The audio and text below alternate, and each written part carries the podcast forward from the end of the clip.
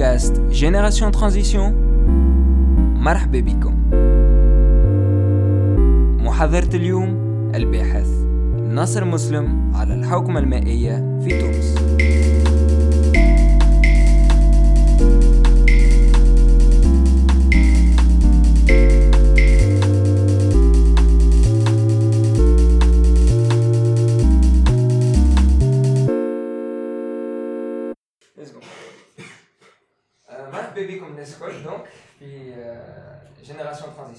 الانتقال هدف الجمعية نتاعنا واضح وسهل. إحنا on veut participer au bon fonctionnement de la démocratie نحبوا الديمقراطية في تونس تنجح.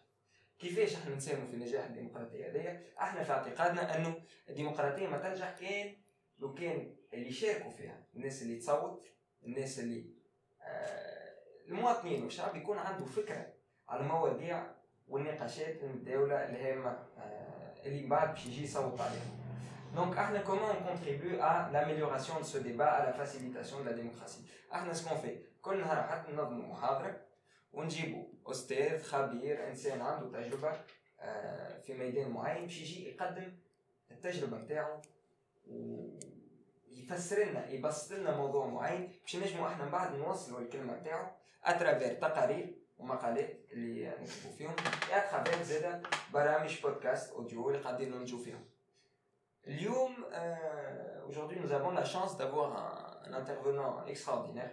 Donc, euh, on est, on est chaque fois plus chanceux d'avoir quelqu'un d'encore plus intéressant que la dernière fois. Lyoum, on a le Behat Nasser Muslim. Donc, Nasser Muslim, qui est chercheur euh, actuellement en, géographie, qui est, titulaire, de plusieurs masters, donc notamment en civilisation euh, arabe et islamique, notamment en géologie.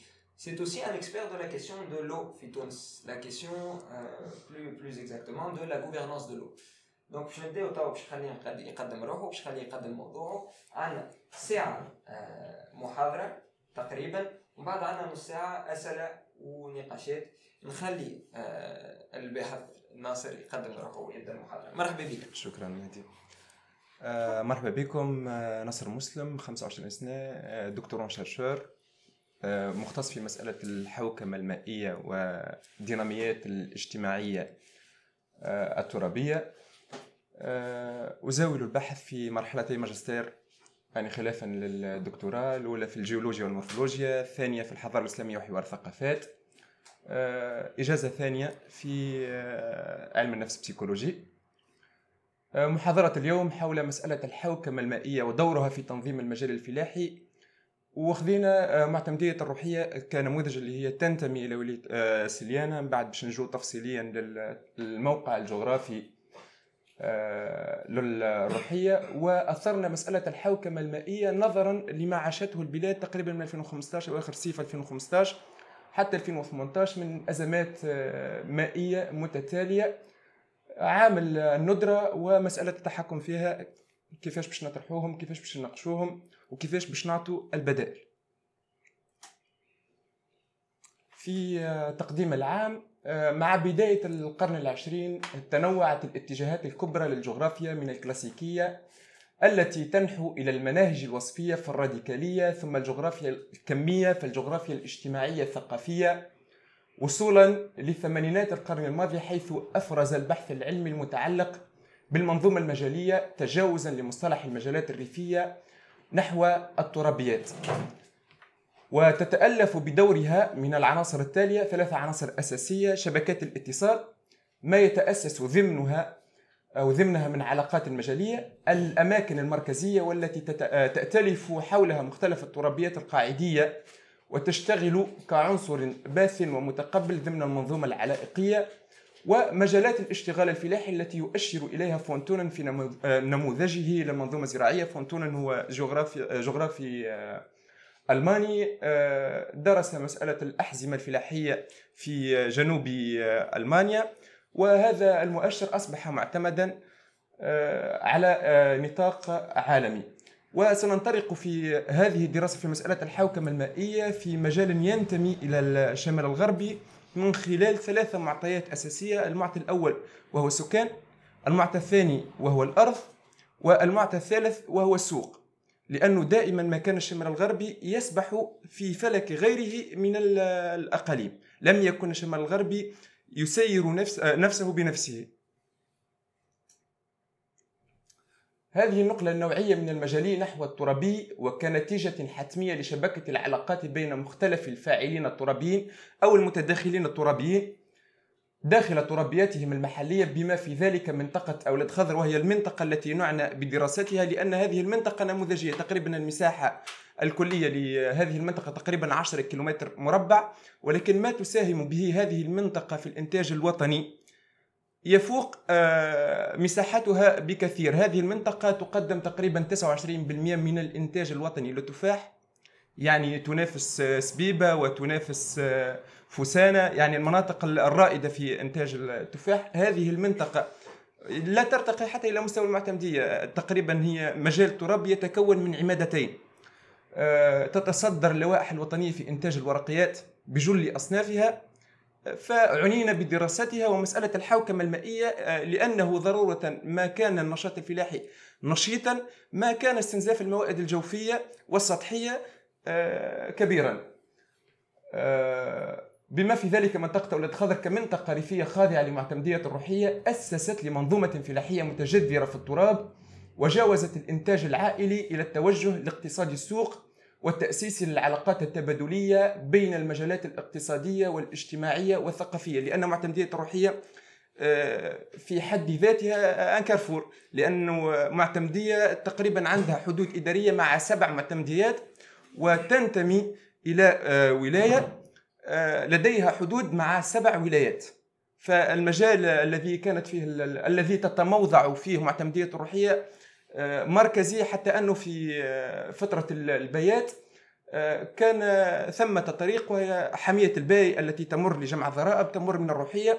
وإلى حد الآن هذه الطريق نسميها هنالك في الروحية بالثنية السلطنية لأن السلطان أي الباي كان يمر آه، من آه، تلك آه، المنطقة.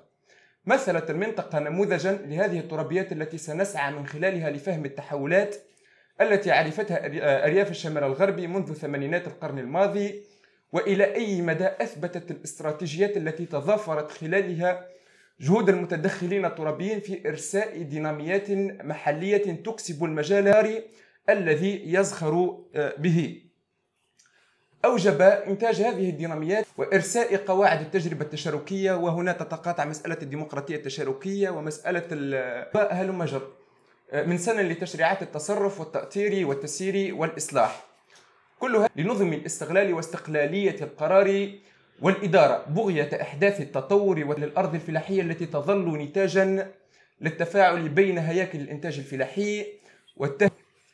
دواعي اختيار هذا الموضوع أولا دراية كاملة لأنني أنتمي آه، لهذا المجال آه، بالمجال المجهري الذي نعنى بدراسته ما ييسر عملية البحث والمعالجة الموضوعية للإشكالية المطروحة لأنه إذا كان باش تعمل الجغرافيا آه، وجب عليك ضرورة أن تنزل الميدان. وإذا كان باش تكون في الميدان يعني ماكش باش تكون ب costume وإلا في محاضرة باش تقدمها للناس آه، bottes وباش تهبط لوسط المزدرعات هذيك وسط ال- ال- الضيعات الفلاحية باش تمارس البحث نتاعك.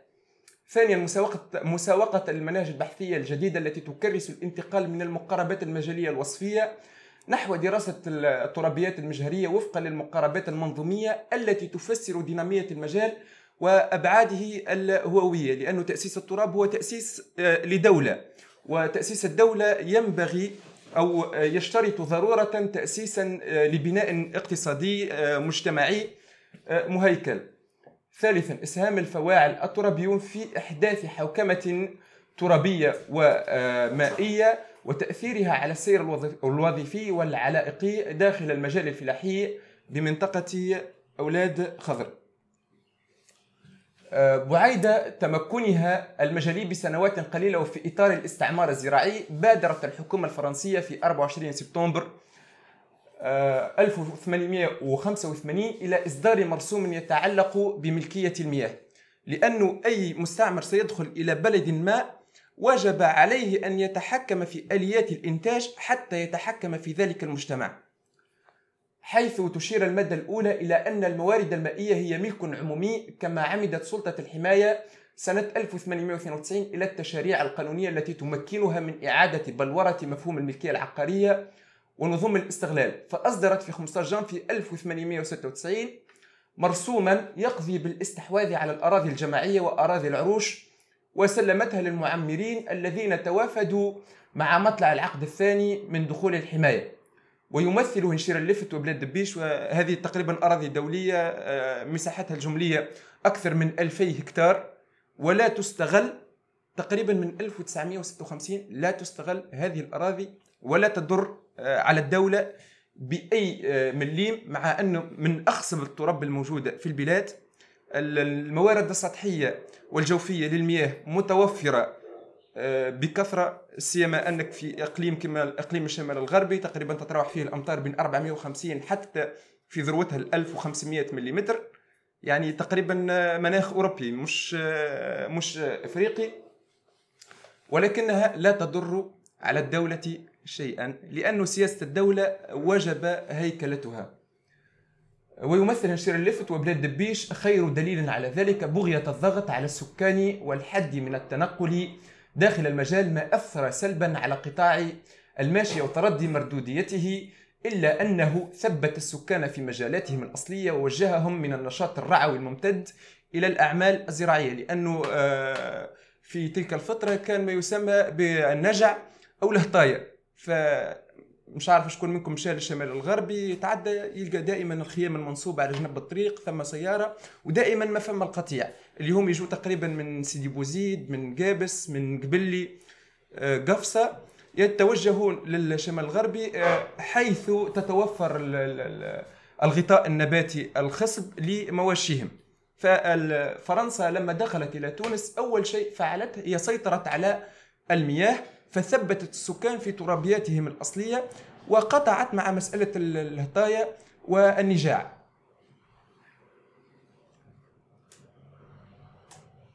آه هذا مجال البحث الذي نعنى بدراسته. آه عمادتين وهما أولاد خضر والهرية متماسكتين. لأن التقسيم الإداري يختلف عن التقسيم الترابي. لأنه آه، العمادتين آه، الهرية وأولاد خضر متداخلتين. تقريبا ما فماش حدود فاصلة ما بين العمادتين ولكنها تعتمد إداريا لا أكثر ولا أقل. ينتمي مجال البحث إلى المعتمدية الروحية التي تتموقع في جنوب ولاية سليانة والتي تنتمي آه، بدورها إلى إقليم الشمال الغربي كولاية رابعة.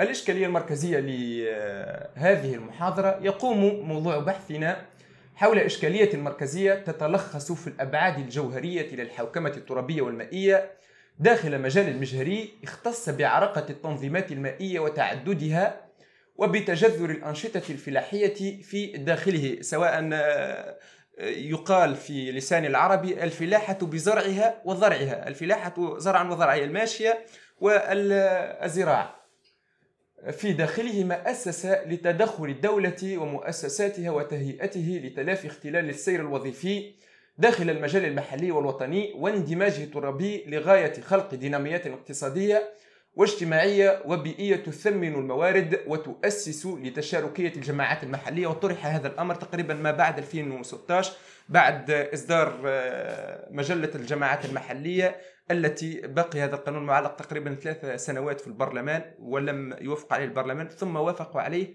من دون أي تحيين. في تسيير الترابيات وتأطير الفواعل المجاليين.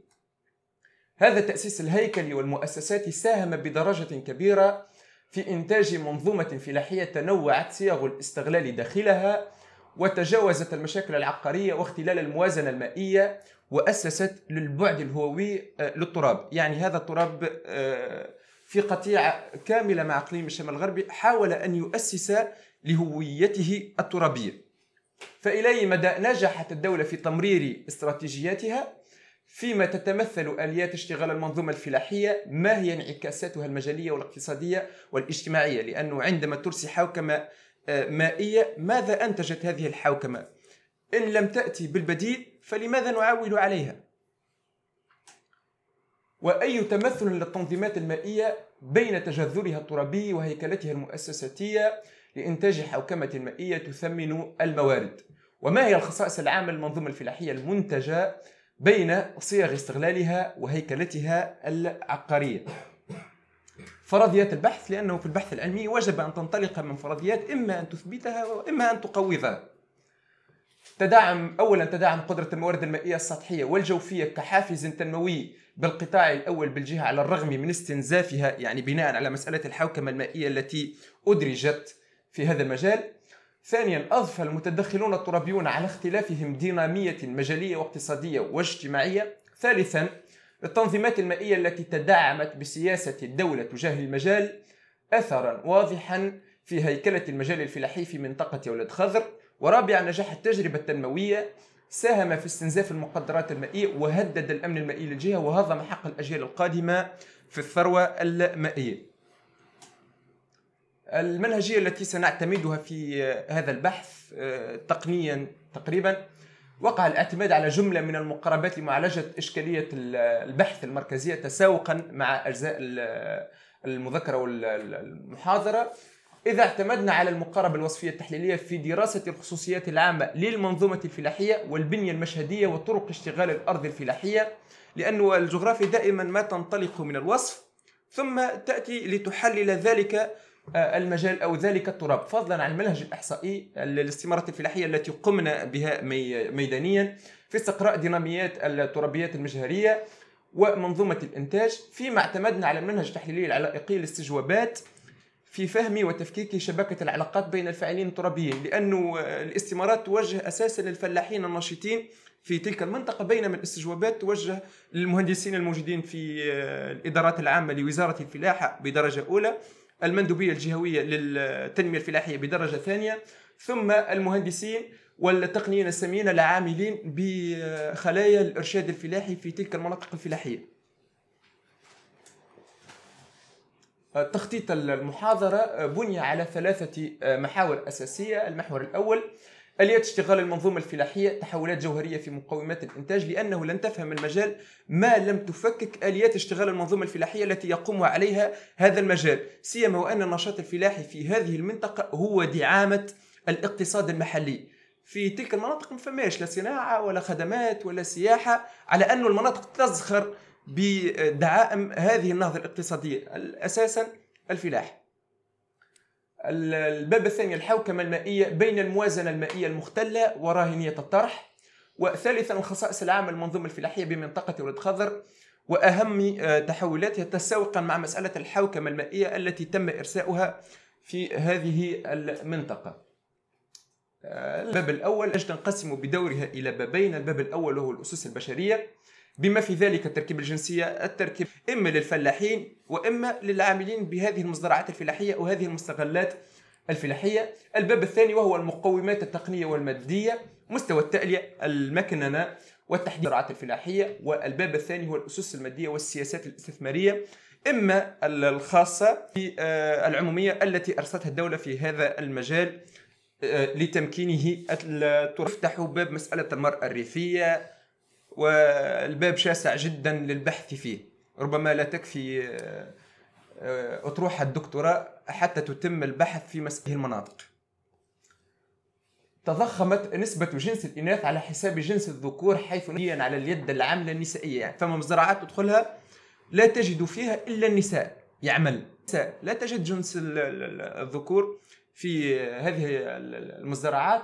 وفيما بعد سنأتي على التحليل السوسيولوجي لهذه الظاهرة. بلغت 65.6% في حين آه، تمثل نسبة الفلاحين الذين يعتمدون على تركيبة عمالية مزدوجة. يعني ما ثماش تركيبة عمالية آه، ذكورية آه، صرفة. إما أن تكون مزدوجة بين النساء والرجال أو نسوية. وهنا يظهر يعني عامل غلبة العمل النسوي في هذه المزرعات الفلاحية على العمل آه، في هذه المزرعات يمثل العمال الفلاحيون الوافدين من عمادة آه، بعجيلة وهي عمادة آه، مجاورة للعمادتين الهارية وأولاد خضر 80% واقع القطاع الزراعي يسير نحو التشبيب إذ أن 92% من المستغلين الفلاحيين واليد العاملة الفلاحية تتراوح أعمارهم بين 15 و 40 سنة فيما تمثل الشريحة العمرية الأكثر من سن الأربعين 8% فقط. عرفت المنطقة بداية الاندماج في نظام معولم فرضته الهيكلة الاقتصادية العالمية الجديدة ودعم جانب التألية في المنطقة. وجهت الاستثمارات أساسا لتنمية قطاع تربية الماشيه سيما بمنطقة اسلاميه آه، العمادات في الفروحيه ثمه من عمادات تعتمد أساسا آه، قلنا بأن الفلاحة تقوم على الزرع والضرع الهرية وولد خضر تقوم أساسا على الزرع. بقية العمادات المجاورة تقوم على الضرع والروحية تقريبا تتصدر المركز الثاني في اللوائح الوطنية لإنتاج اللحوم الحمراء ما بعد آه، معتمدية جلمة من ولاية سيدي بوزيد. آه، وجهت الاستثمارات أساسا لتنمية آه، قطاع تربية الماشية سيما بمنطقة الإسلامية فضلا عن الاستعمالات الزراعية وعمليات التهيئة المائية والتشبيب والوقاية والتسميد وهذا يدخل في مسألة الحوكمة المائية سيما تدعيم المنح التي آه، تعطيها الدولة للباعثين الشبان وإلى الفلاحين الراسخين في هذا المجال.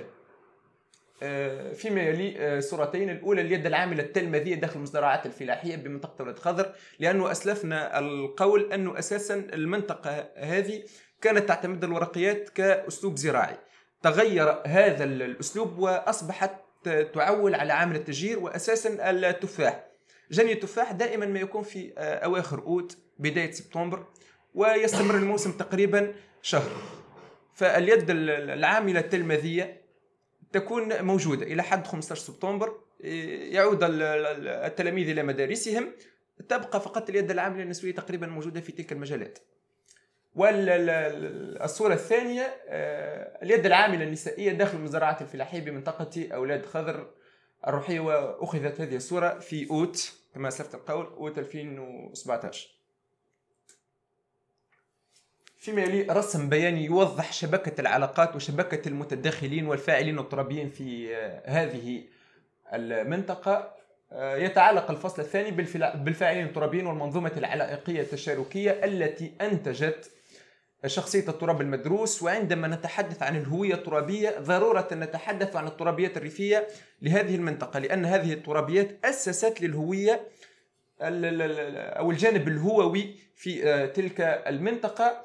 ومختلف المتداخلين فيها مجامع التنمية الفلاحية التي أرستها آه، الدولة كانت فيما قبل تسمى بالمجامع المائية ثم أصبحت مجامع التنمية الفلاحية حتى تكون شاملة في الجانب التشريعي وفي الجانب الممارساتي.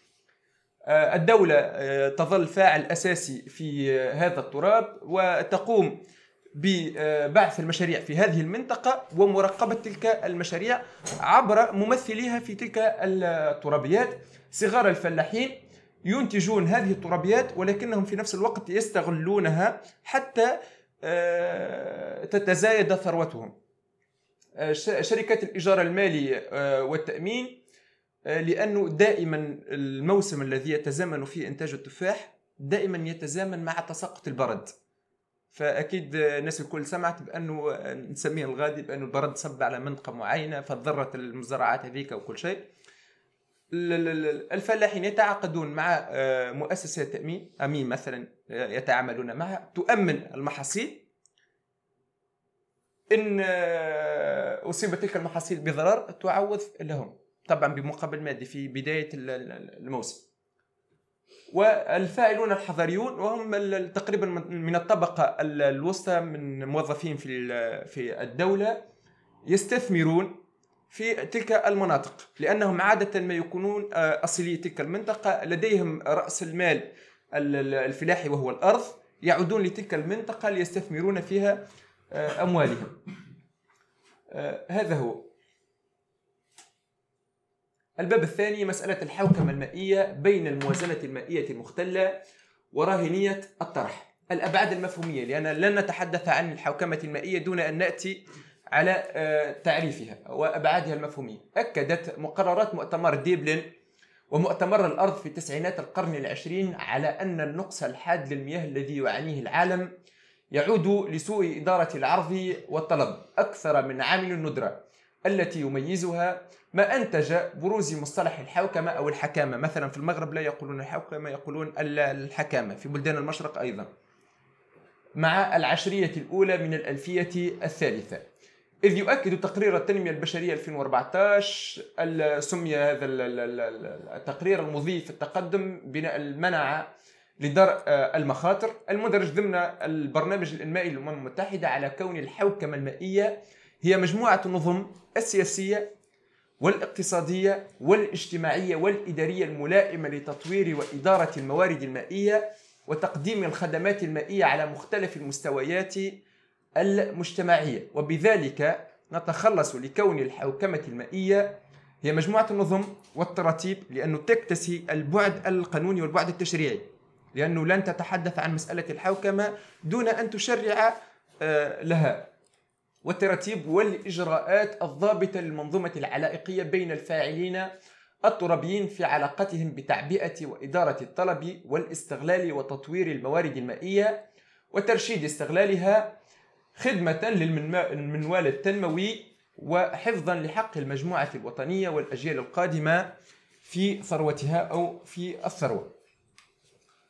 تمثل الموارد المائية عنصرا محوريا لكل القطاعات الاقتصادية والاجتماعية ورافدا من روافد التنمية المستديمة ما أهلها لتكون محل متابعة الباحثين المختصين وإشكالية مركزية أو وإشكالية مركزية تعقد حولها المؤتمرات. ربما في بلدان العالم الثالث لا نعول على هذا الأساس ولكن الاقتصاديات تقريبا تقوم على عامل الماء لأنه آه، لا لن يوجد قطاع سياحي من دون ماء لأنه لن يوجد قطاع فلاحي من دون ماء لأنه لن يوجد قطاع خدمي آه، دون ماء لأنه لن يوجد اقتصاد ومؤسسات- مؤسسات صناعية من دون ماء يعني هو الأساس ولكن في بلدان العالم الثالث لا يتم آه، الاعتناء بهذا الجانب. على آه، خلاف بلدان العالم المتقدم مثلا في آه، فرنسا مثلا في الكليات كليات العلوم يدرج آه، département كاملا خاص بمسألة الماء في في الكيباك ديبارتمون دلو. هذا يخ- يختص فقط بالدراسات التي تعنى بالماء. في كندا في الفترة الفيضية فإن المياه في جل نطاقات الولاية تجري على أراضٍ مالحة. لأن الفلاحي ما لم تت... ما, لم تتم معالجة هذه آه، المشاكل. تؤثر سلبيا الواحد. عرفت ولاية سليانا ارتفاعا لنسب الاستغلال اليومية للموارد المائية المتوسطة 14% يعني يستغل أكثر مما هو متاح لاستغلاله. يعني المواد السطحية ومن 51% إلى 86% من ذات الفترة سيما أن الشمال الغربي تقريبا هو الذي يمول كامل البلاد. بالموارد المائية لأنه مثلا وقت اللي تحكي على الكابون ال- ال- الكابون تحكي على مجال فلاحي ممتد أيضا ولكن مجال الوطن القبلي كاملا المياه خلاف المياه السطحية تأتي من آه، شمال الغرب ما يسمى ببرنامج مياه ال- الشمال.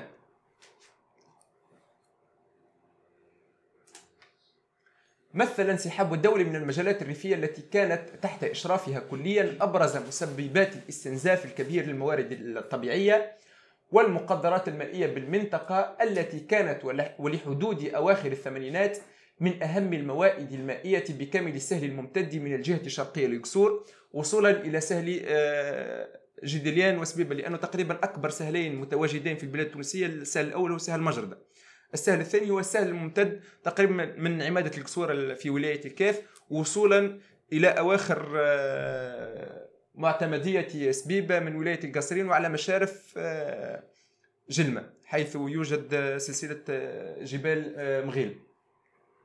عرفت المنطقة نسب استغلال مشتة جدا على الحفريات التي أنشأتها الدولة.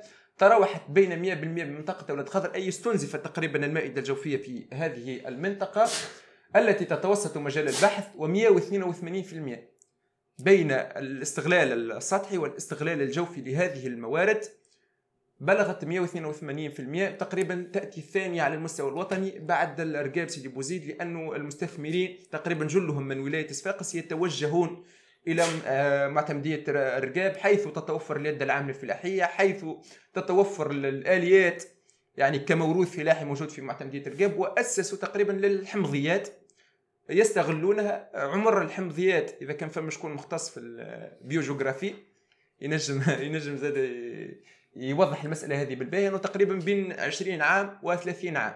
في 30 عام يكون المستثمر قد راكم ثروة كبيرة من ذلك القطاع لأنه تقريبا كله موجه للتصدير. ثم ينتقل إلى منطقة أخرى ويؤسس لنفس ال- النظام. يعني ولا هالطاي ولكن مش في ال- القطاع نتاع الماشي ولا هالطاي فل- فلاح هالطاي هذا هو. آه، الفلاحين ال- ال- يعني المستثمرين.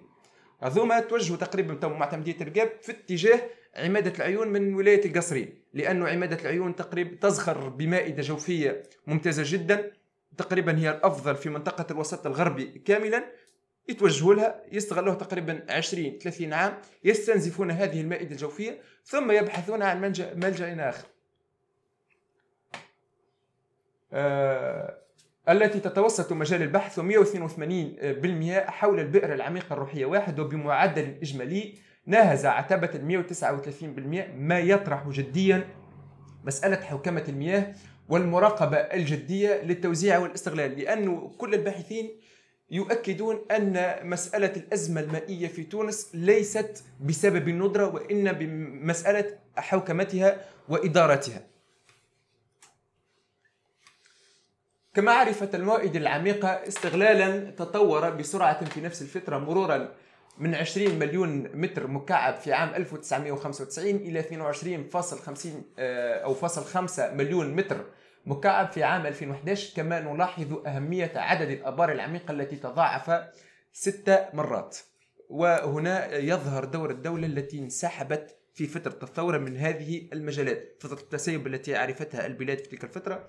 تضاعف تضاعفت فيها آه، عدد الأبار الجوفية أو السطحية ست مرات. يعني إذا كان عندنا 100 بير ولاو 600 بير فتنجم تتصور ال- ال- المقدار استنزاف ال- الموارد ال- ال- المائية وأن وقت اللي طابت لتوران بين ال- ال- البئر. والبئر تقريبا 6 و7 أمتار. لا لشيء إلا لأنه المائدة الجوفية مشتركة. آه، كما نلاحظ أهمية عدد الأبار العميقة التي تضاعف ست مرات في نفس الفترة بعد أن كان عددها 36 بئرا لتصبح 220 بئرا في سنة 2011 في سنة 2011 عرفت البلاد تغيرا جذريا في بنية الحكم تبعه ضعفا لهياكل الدولة في مختلف المستويات المجالية. من الوطني وصولا للترابيات المحلية ما أثر بطريقة مباشرة على نظم الاستغلال والتكثيف. ارتفعت نسب الاستغلال بطريقة مشتة تبعها أو تبعتها نسب التكثيف العالية.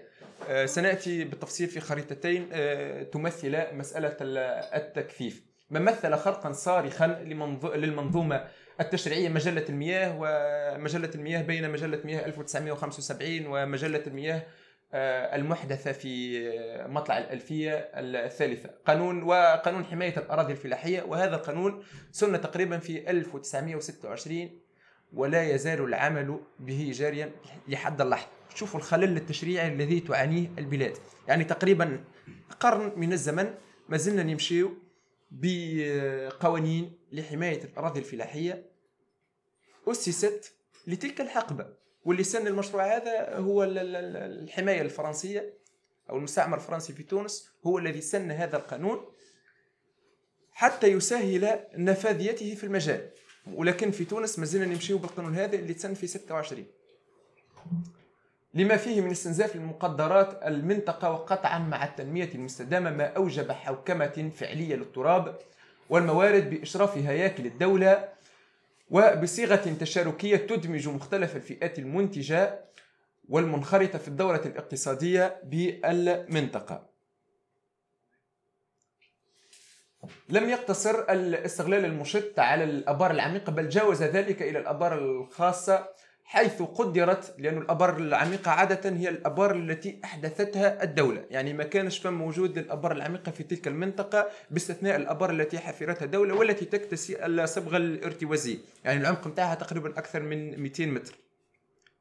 في ما بعد ال- ال- ال- 2011 ما بعد الثورة التسيب اللي صار الفلاح الكبار الموجودين في تلك المنطقة اللي عندهم إمكانيات مادية مهولة أنه قادر يحفر بئر بمختلف تجهيزاتها 300 و 400 متر عادي جدا. فاستغلوا الظرف وحفروا آبار. يعني فما شكون في تلك المنطقة؟ ثلاثة حفريات. ثلاثة حفريات وتقريبا المنطقة مش بعيدة من بعضها. يعني تأثر حتى على ال tectonique de plaques مش حتى مسألة المقدرات المائية فقط. آه، الأبار خاصة حيث قدرت نسبة الاستغلال ب 92% وفقا لمعطيات قسم الإحصاء بالمندوبية الجهوية للتنمية الفلاحية. وبكمية المضخوخة قدرت بمليون وستمائة مليون ومئة وتسعة وستين ألف متر مكعب وبعدد ساعات استغلال قدر ب 65588 ساعة. هذا تقريبا في ظرف آه، يعني تسع سنوات أو ثمانية سنوات. لك أن تتخيل ذلك. يعني بدي بي يكون تقريبا بين 14 و 20 لتر في الثانية. فيما آه، تغيب بقية معطيات الاستغلال عن الهياكل المؤسسات الرسمية للإدارة الجوية والمحلية للتنمية الفلاحية إلا أنه مسألة خلية الإرشاد الفلاحي الاستبيان الذي قمنا به وأسلفت وتحدثت عنه. تؤكد لنا أن نسب الاستغلال ببقية المساحات الفلاحية المهيئة مرتفعة سيما بعد ضعف أجهزة الدولة في المراقبة علاوة عن الآبار العميقة والسطحية المنشأة بعد الثورة بطريقة غير قانونية. ولئن تدخلت الدولة في تنظيم القطاع وإغلاق العديد من الآبار بالقوة العامة ثم التصور أيضا في هذا الملحق لغلق الآبار آه، عن الآبار العميقة والسطحية المنشأة بعد الثورة بطريقة غير آه، قانونية. ولئن تدخلت الدولة في تنظيم القطاع وإغلاق العديد من الآبار بالقوة العامة فإن المائدة المائية تظل مستنزفة في خرق واضح للقوانين والتشريعات المتراوحة بين مجلة المياه في نسختيها الأولى والتعديلات التي طرأت عليها أو قانون حماية الأراضي الفلاحية والذي تم تشريع هذا القانون الثاني في 1983 وهنا صورة لإغلاق الآبار الغير قانونية في هذه المنطقة. يتم صب الإسمنت. في هذه الآبار ولا يعتبر حلا آه، بالمر لأنه آه، موارد رزق ستغلق بغلق هذه الآبار. هذا العام الأول. العام الثاني لأنه ثم محاصصات في غلق الآبار. فلان متاعنا فلان متاعها. على الأساس هذا.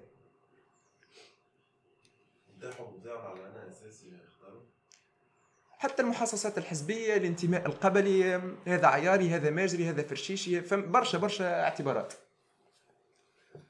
ارتفعت نسب الاستغلال بطريقة مشتة تبعتها نسب التكثيف العالية ما مثل خرقا صارخا للمنظومة التشريعية لما فيه من استنزاف لمقدرات المنطقة وقطعا مع التنمية المستدامة ما أوجب حوكمة آه، فعلية للتراب والموارد بإشراف هياكل الدولة وبصيغة تشاركية تدمج مختلف الفئات المنتجة والمنخرطة في الدورة الاقتصادية والاجتماعية. الصورة الأولى تعود إلى سنة 2000 الخريطة الأولى تعود إلى سنة 2011 الخريطة الثانية اللي سنة 2016 في فترة خمس سنوات ما الذي تغير على هذا المجال الذي آه، نختص آه، بدراسته؟ في الصورة الأولى تقريبا كانت أعلى نسب الاستغلال 120% يعني نسب التكثيف. يعني on suppose أنه آه، هكتار يأخذ 100 شجرة آه، يحطوا فيه 120 شجره هذه نسبه التكثيف. بينما في 2016 آه، تضاعفت لدرجة أنه توصل ثلاثة مرات سيما بتغيير السلالات لأنه مثلا سلالات الزيتون الموجودة في المنطقة تقريبا كلها ساحلي تكوبي اللي هي الأصلية الموجودة في البلاد. ثمة ما بعد الثورة تم توريد المشاتل تقريبا الإسبانية والإيطالية لتونس اللي هي ما تاخذش نفس المسافة بين بين الشجرة والشجرة. يعني كنت تعمل 10 أمتار ولا تعمل 3 أمتار فقط لأنه هذا هو التكثيف. وبيتابعوا لأنه 100 شجرة مش نفس الماء اللي باش تسقي به 1000 شجرة. طبعا باش تأثر به زاد مسألة الماء. عرفت المنطقة أولى مظاهر التنظم في تاريخية التأسيس لمسألة الحوكمة المائية لأنه آه، قديمة. مظاهر التنظم الترابي على شاكلة جمعية مائية مع مطلع سنة 1885 شمال نواة المدينة الحالية مع المعمرين. آه، جاك بيرتران لويس كليمون هذا معمرين آه، فرنسيين. بعودتي للأرشيف الوطني وجدت هذه الوثائق. عرفت البلاد ما بعد الاستقلال تركيزا للهياكل المركزية والمحلية وإرساء مؤسسات الدولة التي مكنت من الانتشار في الأرياف والتحكم فيها. إذ بادرت بالقضاء على رموز السلطة التقليدية ممثلين في شيوخ القبائل وهذه نقطة آه، سيما للباحثين في علم الاجتماع. لم آه، يعنى بالبحث فيها وهي مجال شاسع جدا وثري جدا للبحث فيه. وأعيانها لصالح سلطة الدولة المباشرة وألغت بذلك الدور الذي تضطلع به النقابات المائية والجمعيات الأهلية في تنظيم المجال الريفي. آه، بورقيبة عندما تولى السلطة حاول أن يقضي على السلطة العشائرية السلطة القبلية في تلك المناطق لأن المجال الممتد هذا مجال ولد عيار هذا مجال جلاس هذا الفرشيش هذا ماجر هذا مرغمة هذا المثاليث وهكذا. المجال الوطني كله كان مقسم على الأساس هذاك. فماذا فعل آه، بورقيبة بإحداثه للولايات؟ مثلا في إحداثه لولاية آه، سيدي بوزيد أخذ المزونة التي كانت تنتمي إلى ولاية صفاقس المكناسة التي كانت تنتمي إلى ولاية قفصة وهنا شتت الهمامة. في مجال آخر في ال في ال في, ال في الشمال أولاد حفوز اللي كانت عندهم سلطة معنوية كبيرة برشا في المجال نتاعهم خلى حفوز في القيروان أولاد حفوز في بوزيد فشتت تلك السلطة العشائرية وتلك اللحمة لأنه آه، اللي في حفوز واللي في أولاد حفوز المسافة الفاصلة ما بيناتهم خمسة كيلومتر هذا باش يمشي يجبد آه، مش عارف وثيقة من مركز الولاية يمشي 85 كيلو لسيدي بوزيد وهذا يمشي 35 كيلو لولاية القيروان. وبذلك أضعف تلك اللحمة العشائريه والقبلية ومكنه ذلك من التحكم في المجال. وغير السلطة لأنه كيفاش كان؟ كان ثم سلطة البيات أو ايا كان الحاكم في البلاد وثمة ممثل القبيلة لدى السلطة ثم قياد فما شيوخ التراب فالقبيلة عندها الممثل نتاعها لدى السلطة المركزية. فماذا فعل بورقيبة؟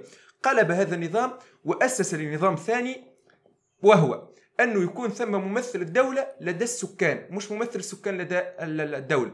فقام بأحداث خطة الوالي المعتمد العمدة وهكذا. ليتحكم في هذا الباب ثري جدا للبحث فيه من حيث الناحية السوسيولوجية ومن حيث الناحية التاريخية ولكن لا يعنى آه، بالتركيز والاهتمام. فترة تأسيس المؤسسات للهياكل الفلاحية ومؤسسات الإشراف والتعبئة المائية والتقنين والتشريع والتأطير. مع مطلع الثمانينات وجهت الدولة اهتمامها للترابيات المجهرية التوجه للدولة قطع قطعا مع نظام المركزية وإدراكا لقدرة الترابيات الريفية على التسيير نظرا للموروث الذي تزخر به كتنظيمات مائية يشهد لها بالعراقة شريطة التعصير والتأطير والمتابعة والصيانة. يكون لك مهندس في اللينات وإلا مش عارف وين باش نبعثه باش يمارس المجال. وقت اللي باش يمشي المجال باش يلقى فلاح عمره 75 عام عنده 50 عام يمارس في الفلاحة عنده القدرات الفلاحية أكثر من مهندس خريج. كلية آه، فلاحية أو معهد فلاحي حتى في آه، إمكانياته في استغلال الفلاح. داكوردو إجا نعمل له تاطير وخلينا نستغل المكتسبات اللي موجودة عنده باش نأسس لمسألة الحوكمة المائية في هذه الترابيات. علاوة على ذلك فإن الدولة قد أسست للحوكمة التشاركية من خلال بعث مجامع التنمية الفلاحية لتعوض دور الهياكل والمؤسسات من نشر التقنيات الحديثة وتأثير المنخرطين والنظم استغلال المراعي والزراعات العلفية والتأثير آه، الفني فعلت مجامع التنمية الفلاحية عملية الرقابة وقلصت من الكميات الموزعة عبر تحديد دقيق للدورة المائية. هذا في مسألة تدخل الدولة. ماذا فعلت خلايا الإرشاد الفلاحي عندما تدخلت هذه في هذه المناطق؟ وماذا غيرت؟ يعني هذه البدائل التي قدمتها الدولة فيما بعد سنأتي. هل نجحت الدولة في هذا الامتحان وهذا الاختبار أو فشلت فيه. ما ارتقى بالسير الوظيفي للمنظومة المائية من إدارة العرض إلى إدارة الطلب. فخفضت في نسبة التسربات ضمن الشبكة المائية عبر عمليات المراقبة الدورية في إطار تشاركي مع المنتجين الزراعيين وخلية الإرشاد الفلاحي يعني مش ضرورة أن نحط تقنيين ساميين في المجال هذاك باش أنهم يراقبوا التسربات وغيره. داكور إجا نعطيهم التأثير نعمل دورة تكوينية للفلاح الموجودين في تلك المناطق. كيفاش يعالجوا التسربات اللي هي على علاقة بمكننة القطاع الفلاحي. ثم أنسحبوا من ذلك المجال ونخلي لهم مسؤولية المحافظة على المياه في تلك المنطقة. على فتوت فتوتها آه، تظل التجربة التشاركية في حوكمة المياه بمنطقة أولاد خضر مع آه، منذ مطلع الألفية الثالثة تجسيدا لتجربة تضافرت فيها جهود المتدخلين والفاعلين الترابيين وأنتجت منظومة فلاحية كرست الأبعاد التضامنية ومثلت المحرك التنموي الأوحد في المجال الذي ظل تملص الدولة من تعهداتها تجاه الترابيات الداخلية لتظل بذلك العدالة الترابية لأنه ما نجموش نحكوا على المساواة الترابية. يجب أن نتحدث عن العدالة الترابية لأنه في لفترة تقريبا خمسة أو ستة عقود عنيت المناطق الساحلية باهتمام الدولة ضخت فيها الاستثمارات. العدالة مش أني نسوي من بيناتهم نعطي مياه للمناطق الساحلية ونعطي مياه للمناطق الداخلية لا.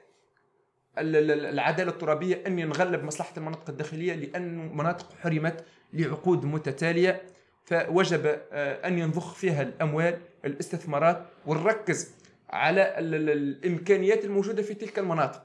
سليانة مثلا منطقة فلاحية فيها مدخرات نتاع ديسول فيرتيل آه، مخزون مائي كبير.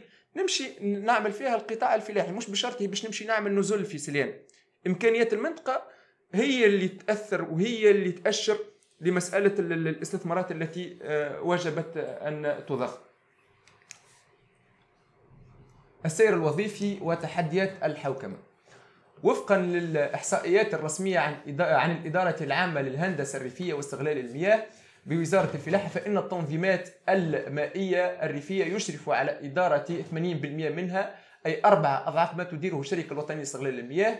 أعضاء متطوعون من سكان هذه المناطق. الجمعيات المائية عشرة فلاحة يعملوا جمعية مائية يتطوعون كاتب عام رئيس كذا بنفس التراتب لل- للنوادي وإلى الجمعيات وإلى غيره. أعضاء متطوعون من سكان هذه المناطق بغض النظر عن مهاراتهم المكتسبة وعن تاريخية الاستغلال المائي في هذه الترابيات فيما بلغ عدد الهياكل التسييرية للموارد المائية مجامع التنمية الفلاحية خصوصا قرابة ال 1250 هيكلا. ولك يعني أن تتخيل تاريخية ال- الاستغلال المائي والنظم الفلاحية في هذه المنطقة. اتسمت في جلها وفقا للدراسات التقييمية لمهندسي المندوبيات الجوية التي أثارت مسائل ضعف التصرف وغياب الصيانة والتكوين والتأطير للمسيرين والربط العشوائي والمديونية والمشاكل الهيكلية والتشريعية حتى أن عدد المجامع المائية انخفض ما بعد 2011 لأنه التسيب اللي صار الديون تراكمت فأغلقت هذه ال- المجامع ولعل القرار عدد 335 المؤرخ في 14 فبراير 2002 والقاضي بإلزامية إجراء الكشوفات المائية بالمناطق الصقوية وكبار مستهلكي المياه في إطار البرنامج الوطني الاقتصادي في الماء لم يفعل إلا في مجال المياه المستعملة لأغراض صناعية أو سياحية اللي هي عندها فيما بعد يستعمل فيها المياه متاع لوناس. لري المناطق الفلاحية والمزرعات الفلاحية وهذه أثر حتى على صحة الناس فيما بعد. لا تتجاوز نسبتها 7% من الاستهلاك الوطني. آه، يبين أن المياه المستعملة لري المناطق السقوية تمثل 80% من جملة الاستهلاك الوطني ونوهت بضرورة حوكمة المياه. لأنه وقت اللي باش تحوكم المياه دونك باش تقلل الاستغلال فتنجم تتخلى على المياه المستعملة اللي هي تضر بصحة الناس لصالح المياه اللي هي نظيفة وصحية. مثل الوضع المائي المتأزم بالمنطقة مؤشرا سلبيا لدى الفاعلين الترابيين والإطارات الهيكلية ففعلت عملية الرقابة وقلصت من الكميات الموزعة عبر تحديد دقيق للدورة المائية وهذا قمنا به في الاستمارة الميدانية. ما ارتقى بالسير الوظيفي للمنظومة المائية؟ من إدارة العرض إلى إدارة الطلب فخفضت في نسبة التسربات ضمن الشبكة المائية عبر عمليات المراقبة الدورية. ثمة صورة مرفقة آه، لما أدليت به آه، منذ قليل أنه المهندسين التابعين لخلية ال- الإرشاد الفلاحي تقوم بدورات تكوينية للفلاحين ثم تنسحب من تلك المجالات تقريبا فيما يليه هو شرح لمسألة الصورة. وهنا فلاح تقريبا العمر يقارب ال 70 أو 80 سنة ولكنه يعالج التسربات المائية في تلك, في تلك المنطقة من خلال المهارات التي أو الدورات التكوينية في هذه المهارات التي قامت بها المندوبية الجهوية. تدخلت آه، دورات تكوينية في هذا المجال. كيف تعالج هذه التسربات ثم تنسحب منها. دوب تصير فويت. الفلاحة هم اللي, اللي عالجوا تلك التسربات آليا. الباب الثالث الخصائص العامة للمنظومة الفلاحية بمنطقة ولاد خضر وأهم آه، تحولاتها. نعطي تقريبا ال- ال- النقاط الأساسية لأن الوقت يدهمنا آه، هيمنة الزراعات الكبرى والأشجار المثمرة على المساحات الزراعية وتراجع الزراعات الكبرى. المحتكمة لأن المجال تقريبا من المجال الشمال الغربي يسمى بمطمور روما وعرف أساسا بإنتاج القمح والشعير بمختلف أصناف القمح اللين وصلب وغيره. آه، باستثناء الزيتون تحتل معتمدية الروحية المرتبة الأولى جهويا في الإنتاج المثمرة بنسبة 34.22% لأنه منطقة آه، للإنتاج الزيتيني تقريبا تعود ال- الاستغلال نتاعها لأكثر من قرن الحبابس الشمالية والحبابس الجنوبية. وكعمادتين يتصدروا اللوائح الوطنية مش في صفاقس في سليان آه، تحتل معتمدية الروحية المرتبة الأولى جهويا في الأشجار المثمرة. عدد أشجار التفاح قدر ب 806400 شجرة في معتمدية الروحية أي 91% آه، منها في منطقة أولاد خضر ما يفسر نسبة التكثيف المرتفعة جدا بالمنطقة. يعني تنجم تتصور أنه عدد المهول من أشجار التفاح في 10 كيلومتر مربع. يعني حتى بالصور نتاع الأقمار الصناعية ترى التركز الشديد جدا حتى من خلال الصورة التكثيف المرتفع جدا بالمنطقة والمردودية العالية التي بلغت 18 ألف طن يعني منطقة متاع 10 كيلومتر مربع تنتج 18 ألف طن من التفاح الخرفي اللي هو في مطلع الخريف يعني في أول سبتمبر و7500 طن في التفاح الصيفي اللي هو في أواخر الأوت. وهنا السلالتين يختلفوا لأنه ثم السلالات المهجنة اللي آه، جاءت من أوروبا ومن غيرها من من البلدان اللي هي الطيب البرد في أوائل سبتمبر. وثم الأصلية اللي هي مثلا تفاح حامد نسموه في المنطقة لأنه أول فلاح زرع هذه شجره في تلك المنطقة سمي بحامد فتسمت سلالة اسمها تفاح حامد. 7500 طن آه، اللي هو التفاح الصيفي. مساهمة الخضروات والبقوليات ظلت محدودة على زراعة الثوم والفلفل والطماطم فضلا عن الورقيات كنظام آه، زراعي تكثيفي في المساحات البينية. يعني ما بين الأشجار حافظت على تقليد التقليد الموروث في إنتاج الورقيات. وهنا صورة تمثيلية للمنظومة الفلاحية القائمة في هذه المنطقة. إنتاج الخضروات بالبيوت المكيفة في منطقة دولة خضر الروحيه وإنتاج عينة من أشجار التفاح هذه سلالة حامد التي تحدثت عنها في نفس المنطقة. وهنا توزع استخدامات الأرض الفلاحية بمنطقة أولاد خضر ومن خلال الخريطة يظهر جليا آه، سيطرة التفاح على المنطقة. البقعة الخضراء هي الامتداد الزيتيني السكن المشتت آه، موجود والسكن المجمع ويكون عادة في شكل دشرة وإلى دوار.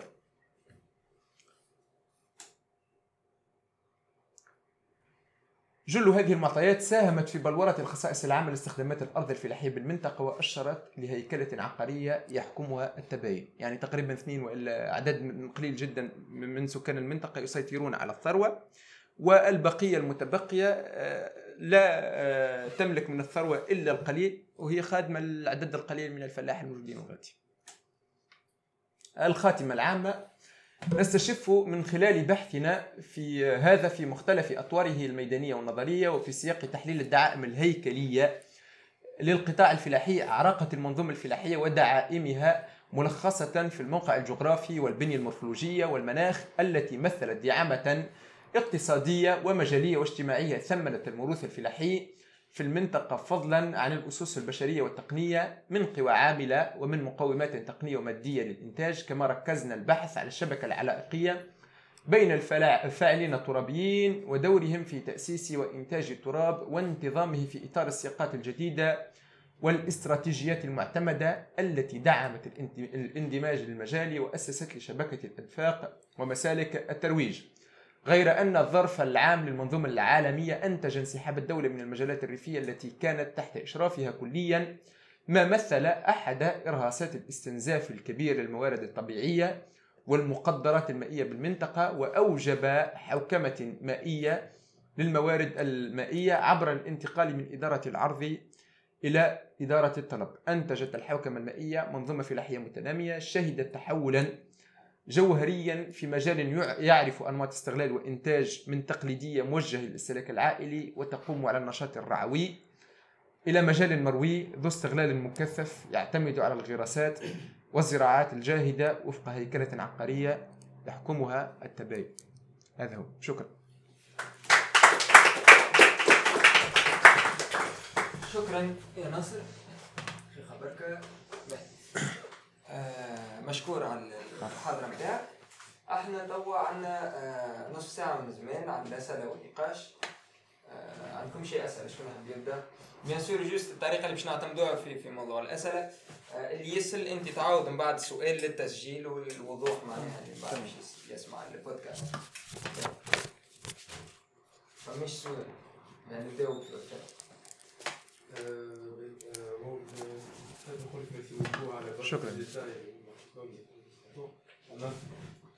par rapport المشاكل نتاع حكايه التباين هذه انت شنو تشوف par rapport الشيء هذاش تنجم تعمل تو كيفاش تنجم تحسن واضح واضح واضح هذا بالنسبة للتباين يعني مساله الاستغلال العقاري في ال- في المنطقة هذه بالضبط آه. لأنه ما تنجمش تاسس فهمت الطرح نتاعك واكيد ربطته بالناحيه الاقتصاديه وبالوضع الاجتماعي نتاع الناس الغادي لأنه 2% يملكوا الثروه 98% يخدموا الناس اللي يملكوا الثروه و98% هم يملكوا 2% من الثروه نتاع المجموعة الكل. هذه هي كيفاش يصير التقسيم.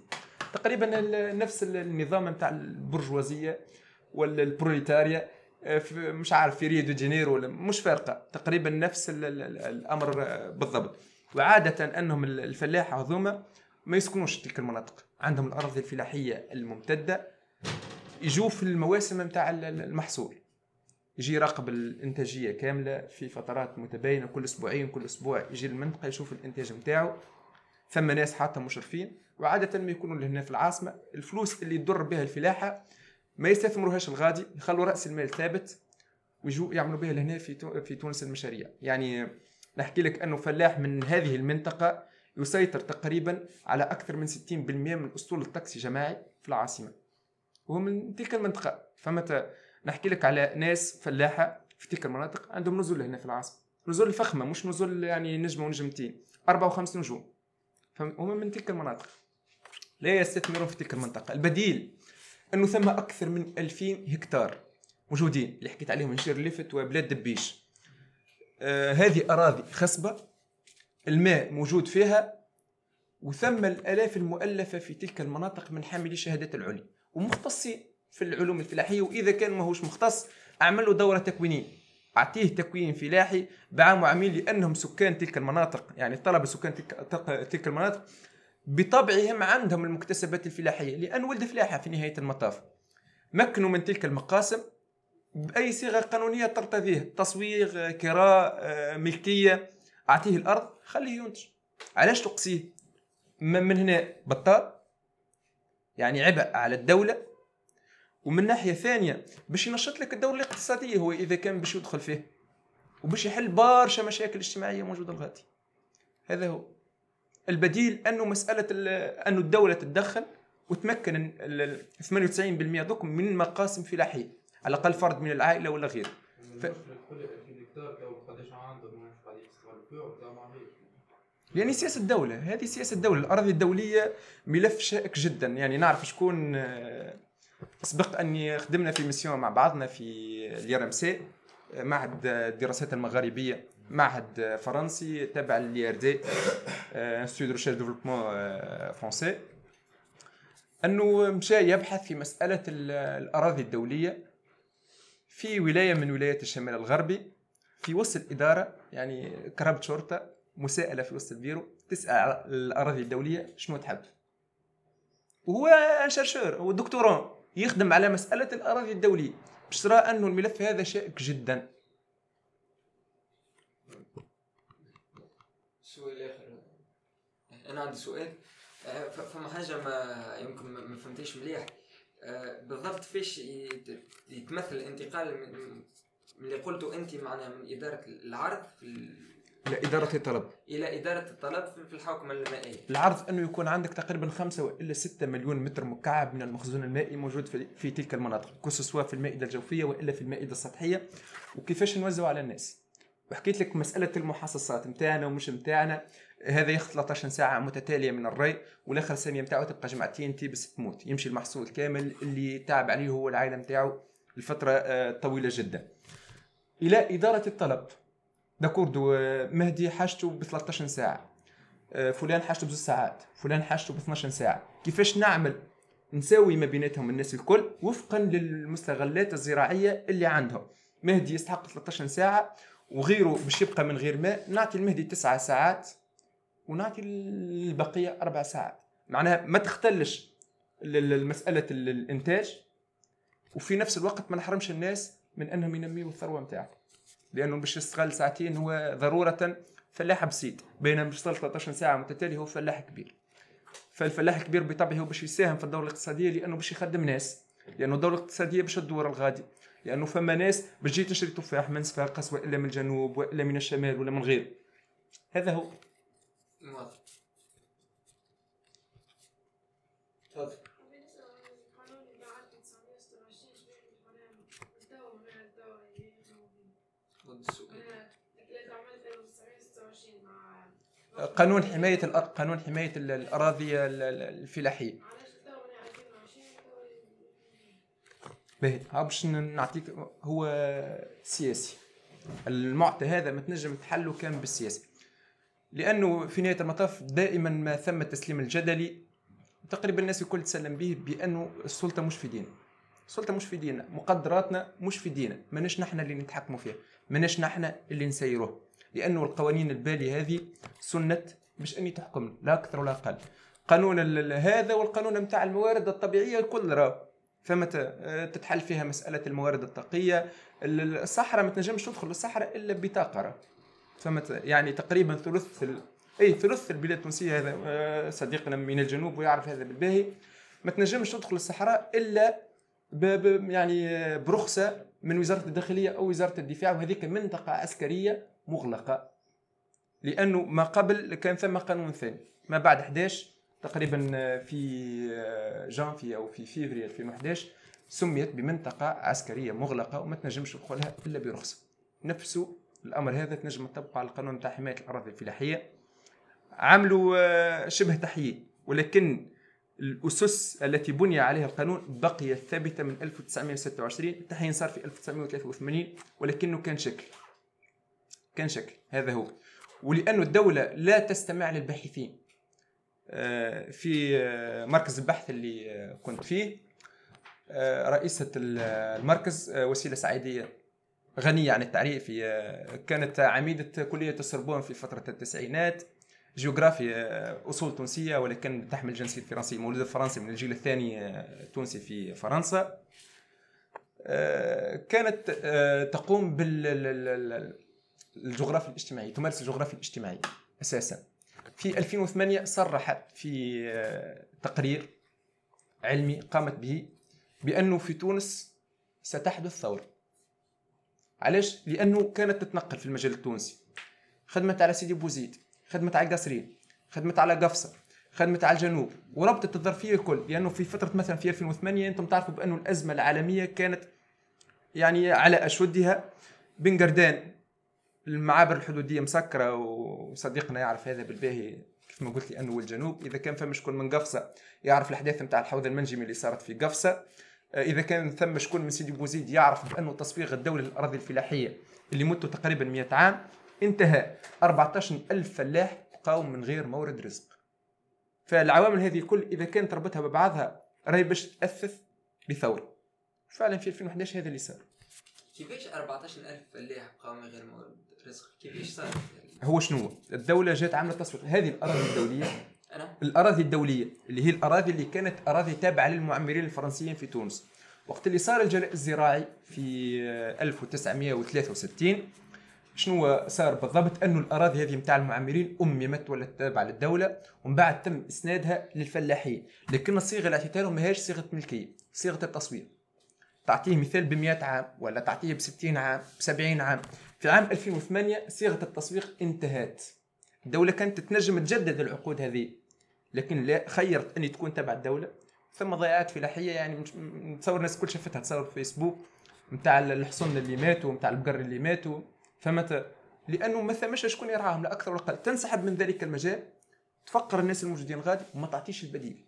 وهذه بالحق أخطاء جسيمة جدا. تقوم بها الدولة. عندي عندي سؤال بالنسبة قلت بالنسبة قلت أنه في الجنوب فما ناس كيفاش معناها طريقة الاستغلال نتاعهم للأراضي الفلاحيه أنه يجي يزرع مثلا حكيت على على القوارص على القارص. يجي يزرع في منطقة آه، يستهلك الماء و ويستهلك معناه يستعمل الأرض ثم كي, كي تفقدك الأرض هذيك ال- الخصوبة نتاعها ينتقل لمنطقة أخرى ولا أخرى. هل تنجم تزيد تعطينا تفاصيل؟ معناها الطريقة مش؟ مش نعطيك تفاصيل. هم المستثمرين أساسا من ولاية صفاقس المستثمرين الفعليين اللي يمشوا في الفلاح هم تجار في الفلاح. ناس ما يمارسوش الفلاح. فهمت اعتبارها ناس تضخ في فلوس في مشروع باش يدوم 30 عام ثم باش يمشي المنطقة هذيك. أول حاجة باش يعملوهم باش يعملوا عملية جرد للموارد المائية اللي متاحة في المنطقة هذيك. وللخصوبة الأراضي الفلاحية وقداش تنجم تعمر الحمضيات والكروم تقريبا تقنيا العمر نتاع العنب. يعني بين 20 وبين 30 عام. كيف كيف في الحمضيات؟ فهو يعمل البرنامج نتاعو لاستغلال تلك الأرض لمدة ثلاثة عقود. ثلاثة عقود لازم الماء يكفيه ولازم الأرض تكون صالحة ما تتملحش باش أنه يمارس عليها النشاط الفلاحي رقاب مثلا. رقاب كانت منطقة آه، فيها وزن ديموغرافي كبير هي رقاب تقريبا 80 ألف ساكن. يعني اليد العاملة موجودة برشا. أنت في منطقة داخلية ما فيهاش مؤسسات صناعية ما فيهاش قطاع خدمي سياحة باش تخدم الناس. دونك الفلاحه هي الأساس. فيمشوا الغادي موجود الأرض موجود الماء موجود اليد العاملة. ما ثمش حتى شيء باش يعوق العمل الفلاحي نتاعو يدخل المنطقة هذه يدخل الأموال نتاعو يزرع. المردوديه تكون من العام الثاني ولا من العام الثالث من الزراعه يعني عنده إذا كان هي 30 عام 27 عام من الربح. تخلي بمليار يخرج ب 10 ويمشي يستثمر في منطقه منطقة أخرى. تهرمت المزرعات الفلاحية اللي موجودة في الرقاب توا نتاع الكروم. يخرجوا من الرقاب ويشوفوا منطقة أخرى. آه، الزحف في اتجاه المزونة اللي هي في شرق آه، ولاية. آه، ولاية سيدي بوزيد غرب ولاية صفاقس وفي اتجاه معتمدية العيون اللي هي تابعه ولاية القصرين وتقريبا اللي موجود فيها فقط بقايا من أراضي للمعمرين الفرنسيين في تلك المنطقة. فيمشوا يستغلوا الأراضي هذيك اللي هي des sols fertiles واللي هي فيها مخزون ماء جوفي أساسا كبير لأنه les précipitations في zone كيما القصرين مش باش تكون طالعة برشا تقريبا باش تكون في ال plafond تاع 300 350 ملم سنويا. هذا هو. فيستغلوا الموارد الجوفيه لنفس المدة اللي هي باش تخول لهم أنهم يراكموا الثروة نتاعهم ثم يشوفوا ملجأ آخر. واضح. اليوم اللي في تونس وفي غياب الدولة اليوم هنا بدائل وحلول لمجابهه هذه المخاطر نعرفوا ليبيا عندها نهر الصناعي العظيم ودراء نهر الصناعي العظيم يمثل جزء من المشكلة في تونس الجوفيه في في المغرب العربي حسب احد الدراسات أيضا اليوم الدولة باش تعمل منشأة لتحلية المياه في اليوم هل تحلية المياه بديل من البدائل اللي به هو أسأل. السؤال الأول هو في مسألة هل انه الماء في تونس هو عامل ندره والا عامل مسألة حوكمة؟ أنا نتصرف في المياه إدارة وحوكمة وإلا هو فعلا مسألة ندرة. في تونس لا نعاني من الندر.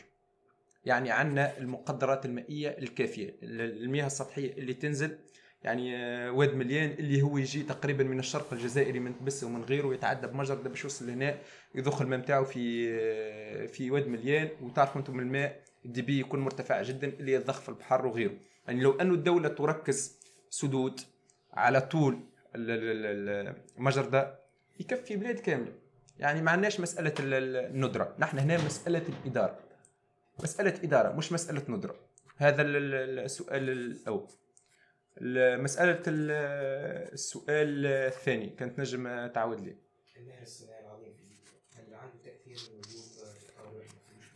لا مش باش يأثر علينا لأنه تقريبا هو ثم المنطقة اللي هي المنطقة الجوفية اللي تشمل الجنوب التونسي.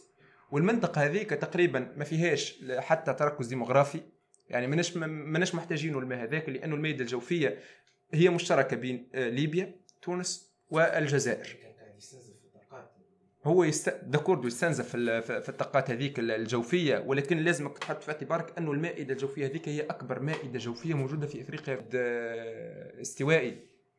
توصل فيه البريسيبيتاسيون 1500 ملم سنويا مرتفعة جدا جدا جدا. فمتى والمقدرات المائية ما تظهيش. ما حكيت لك في منطقة عسكرية مغلقة إلا إذا كان حين القانون والمياه اللي موجودة الغادي تقريبا يعني في الرمل وغيره في المناطق هذيك الجبس اللي نتصدروا به اللوائح الوطنية في الإنتاج. كان ثم برشا. ما تلقاش قفصي مش مريض. إذا كانوا ساكن في قفص. كو سوا من من المناجم نتاع الإنتاج وإلا من المغسل. لأنه باش يأثر بطبعه على المائده الجوفية لأنه الماء اللي باش يخرج باش يرجع للمواد الجوفية لكن باش يرجع وهو حامل ال- ال- المواد الكيميائية هذيك اللي يتم بها مسألة ال- تحلية المياه. تحل جزء من المشكل لكن ماهيش الحل. تنقص برشا ضغط على الدولة لكن ماهيش الحل. ماهيش آه أنت في تونس ماكش في سعوديه وإلا ماكش في الإمارات.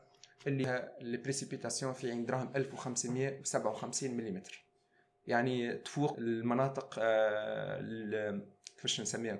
continentales آه القارية. يعني في اوروبا يعني les précipitations الموجودين في عين دراهم مش موجودين في مدريد نوعية الغراسات تدخل في استنزاف المواد المائية بالطبيعه لأنه آه، طبيعة الغراسات آه، سيما أني حكيت ما بعد الثورة على السلالات المهجنة اللي جات. مثلا نحكي لك على التفاح أنه كان عندنا سلالة حامد وعندنا شوي سلالات اللي هي تونسية.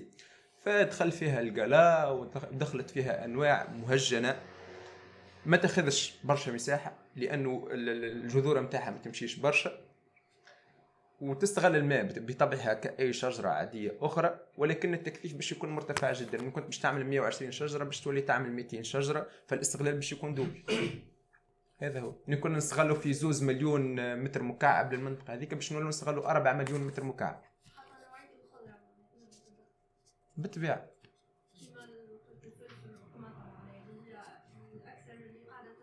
بالطبيعة. علاش؟ لأنه قبل كانت الورقيات فقط ما كانش فما وجود للأشجار الغادي في مطلع الثمانينات بدات عملية التشجير تدخل ولكن ما تخلوش على الأنشطة متاع الورقيات ومتاع الخضروات وبقت زراعات بينية. يعني بين الصف والصف يعملوا آه، كما موجود في في جابس بالضبط أنه ثم الواحة الواحة تحتها بالضبط بعد النخل تلقى الرمان.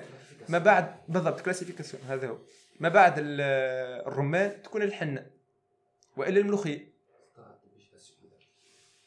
هذا هو آه، به مازال فما سؤال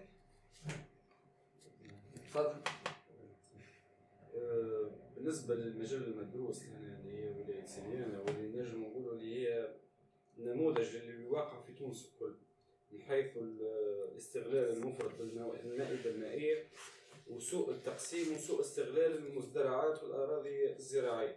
شنو هي التداعيات نتاعها في المستقبل القريب أو على المدى المتوسط والبعيد؟ وشنو الحلول المطلوبة والتدخلات المطلوبة؟ العاجلة من طرف الدولة وإلا من الأطراف الأخرى مثل المجتمع المدني. لكي نغيروا ونصلحوا هالاختلال هذا الاختلال المجالي اللي أدى بالضرورة لاختلالات اجتماعية ويمكن زادة سياسية. مسألة التأثير لا شك فيها لأنه على المدى القريب مش باش نحكوا على المدى المتوسط والمدى البعيد على المدى القريب ستؤثر. مسألة استنزاف المياه. خصوصا على الإنتاج الفلاحي وإلا على القطاعات اللي هي كلها مربوطة بالماء يا إما المناطق الصناعية وإلا المناطق الخدمية سيما ال- ال- القطاع السياحي نزول الكل الماء متاعه يجي من مياه الشمال الغربي وإذا كان مخزون المياه في الشمال الغربي باش تأثر دونك القطاعات هذه الكل باش تأثر. بالنسبة للبدائل آه، زوز بدائل. البديل الأول هو الإدارة مسألة حوكمة الموارد المائية. باش تخفف الضغط والعامل الثاني واللي هو العامل الأساسي مسألة تعبئة الموارد المائية. في الشتاء بوسالم تغرق. آه، مش عارف تبربل لهنا في منوبة لو أنه آه، الصونس متاع ال- واد مجردة بقى نفسه هو القديم آه، تبربة ما كانش يكون لها وجود أصلا. آه، مسألة استصلاح الصدور ودور الدولة الدولة هنا في استصلاح الصدور. بالضبط، هي. تتكلف ومش قاعدة الدولة تكون دورة حتى الفيضانات اللي صارت في نابل المدة الأخرى أسبابها يعني كانت آه، عدم إستصلاح الصدور. مس مسألة التعبئة وهذا يحل باب آخر اللي هو مسألة القرارات السياسية آه، السيادي السياسية. السياسية سيادية هي بالضبط. هي طرفة حكاية ما نعرفش كيفاش نحكي لكم بالضبط. آه، نعرف صديق. صديق هذا تونسي. من معتمدية سبيبة نجح في البكالوريا أولا على الدفعة متاعه وعلى كامل البلاد يعني في مختلف ال- الاختصاصات. قرأ في ليبيستل هنا في في المرسى تميز نجح. عدى امتحان عالمي هو في دخول المؤسسات ال- ال- الهندسية والمدارس الهندسية. وتقريبا الناس اللي عادت معاه في الفترة هذيك يعدوا بالألاف مش مئات بالألاف. على شيل انترناسيونال نحكي لك. تميز نجح اولا على المستوى العالمي. آه، قرأ العلوم الهندسية كمل الدراسات الهندسية نتاعو كمل دراسة الدكتوراه في اختصاص الهندسة النووية واختص في الجانب الطاقي. لأنه آه، الدراسات النووية إما الاستخدامات الطاقية والاستخدامات العسكرية فهو تخصص في المجال الطاقي وكان موجود في أكبر مركز بحث في الدراسات النووية في العالم الكل. مكتب الدراسات هذا يخدم الدراسات وتتقدم للبلدان يا إما بالطلب البلدان هي اللي تطلب باش أني تعمل مشروع طاقي في في البلدان نتاعها وإلا هما يعطوها راهو عندك مشكل اقتصادي وراهو تنجم تحله بالمشروع هذا. فالصديق هذا ضرب على تقرير وإلا خدمه خدمت في وسط ال- ال- المعهد البحث اللي هو فيه باش أنه يجيبوا لتونس. بعد الثورة كنت تذكروا تبعثت وزارة جديدة اللي هي وزارة الطاقة. جاء قدم الدوسية هذايا. راهو الملف هذا يكلف الدولة التونسية 15 ألف مليار. باهي. ولكن راهو بعد ثلاثة سنوات المردودية السنوية للمشروع هذا راهي 30 ألف مليار. يعني باش تتصور يعني تقريبا ثلثي ميزانية الدولة يقدمها. علاش؟ لأنه باش تولي تصدر الطاقة لضفة جنوب المتوسط وتقريبا إفريقيا جنوب الصحراء الكل. تشاد النيجر البلدان هذيك الكل باش تولي تصدر لها الطاقة وباش تكتسح الأسواق هذيك. بعد تقريبا ثلاثة أيام ولا أربع أيام اتصل به شكون؟ من وسط ال- الوزارة. الملف نتاعك بعد ما خرجت بالضبط مزقة ترمى في البوبيل ومش على روحك كيفاش نجم تقنع السيد هذا باش إنه يرجع للبلاد وباش إنه هذا هو؟ مسألة الطرح. قرار سياسي سيادي. نزيدوا نزيدوا زوز أسئلة. donc آه، عن عن ال- لهنا سؤال من بعد نتعدوا سؤالك هو مش سؤال أنا لكن الفرق عندي. مش سؤال لكن اضافات بعض اضافات لأنه تقريبا مختص حتى هو في مسألة ال- المورفولوجيا الجيولوجيا. باهي باهي نخليو كمل نخليو السؤال الاسئله ومن بعد تقول لي بالنسبة للمساله نتاع الصديق هذا اللي يعمل في النووي. الحاجة الحاجة الأولى الميزانية ما هو جاي في 2012 ميزانيه تونس في 2012 ميزانية الدولة الكل. ما قدمها اللي يجي 19 مليار 19 مليار. كيفاش هو يجي يقترح على في البلافون تاع 22 ميزان- ميزانيتها كلها 19000 مليار. مشروع ب 15000 مليار يقبلوه معناتها أصلا أصلا أصلا ما هو انت كيفاش تقترح مشروع؟ يلزمك تعمل هل أنه معناتها السيد اللي انت مقترح على حاجة ينجم يستوعب ولا لا؟ انت تجي دوله ما تنجمش تستوعب مشروع تقترح لها مشروع. بعد تقول كيفاش ما خدتوش. زاد باهي باهي نحن نحن نحن مساله مساله التداين نحن- نحن- هو نحن مس- هو صديق. البيجي نتاع المشروع 15000 مليار البيجي تاع تونسيان 19000 مليار لا تقريبا في سنه 2012 كانت ميزانيه الدولة آه، ميزانيه الدولة في الحدود نتاع 22 الف مليار باهي. 22 مليار آه، تع- تع- تعرف نسبه المديونيه نتاع الدولة التونسيه والا لا تو البنك النقد الدولي البنك العالمي غيره تعرف نسبة المديونية والا لا تقريبا 80% من المقدرات المالية تاع البلاد. يعني إذا كان نحن الميزانية نتاع 2020 باش تكون في ال plafond تاع 27 ألف مليار مثلا تقريبا أكثر من 20 ألف مليار مديونية. وهذا راهو تقريبا تراكمي تقريبا من سنة 2005 حتى لسنه 2019 يعني على فتره آه، 14 عام كانت التراكمية هذه. إذا كان أنت تقترض باش تمشي بها أجور وتمشي بها غيره داكوردو هذا أساس. ولكن أنت اقترضت اقترضت. علاش ما توفرهاش في المشروع هذا اللي هو باش يغطي المديونية نتاعك وباش يبقى لك مشروع أفي؟ لأنه أنت تعرف المشاريع الطاقيه اللي هي على علاقة بالطاقه النوويه العمر الأدنى نتاعها 200 عام. 200 عام. فهمت قصدي ولا لا؟ إذا سامحني juste. تفضل. المس- المسألة الأولى المسألة حتى في ال exemple ثم نوع من ال- نحب نحط اثنين. كي تقول أنت مثلا على مسألة الطاقة تقول نجم نكتسحوا بالأسواق. في دول اللي نحن حاطينهم على أساس أنهم سيء باش يجيو باش يشريو من عندنا هو باش يشريو من عندنا أنت مثلا في أوروبا اللي عندهم أكبر من أكبر معناتها les industries في ال nucléaire في العالم باش يجي هو باش يبطل معناتها les investissements اللي هو قاعد يعمل فيه في أوروبا. les investissements اللي قاعد يعمل فيهم غادي باش يولي يجي من عندك هنا نرجع لمسألة المدخرات. افريقيا افريقيا جنوب الصحراء. افريقيا جنوب الصحراء.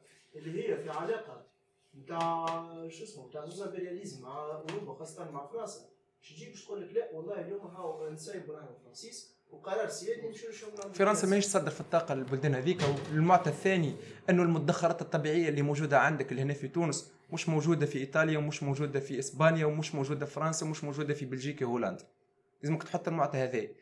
لأنه مثلا المشروع نتاع الطاقة الشمسية اللي هو على أساس أنه كان يوفر تقريبا 5000 مواطن شغل بعد سلمت فيه الدولة التونسية وتبنته المغرب اللي عندك موارد طاقية أكثر منها وعندك يد عاملة مؤهلة أكثر منها وكنت تحل بها برشا مشاكل ولكن لهنا نرجع للقرارات السياسية السيادية. هذا نقاش هذا نقاش تو يتواصل بعد. تو تو تو يتواصل هذا النقاش خاطر إحنا موضوعنا اليوم مش مش بالضبط هالشيء هذايا. أنا نشكركم الكل على الحضور اليوم. يعطيكم الصحة. ونشكر زاده آه، الباحث آه، ناصر مسلم على المداخلة نتاعو. توا عندنا بوس كافيه صغيرة آه، وتوا نرجعوا من بعد باش نتحاوروا باش نكملوا النقاش. شكرا. شكرا. يا نصر شكرا.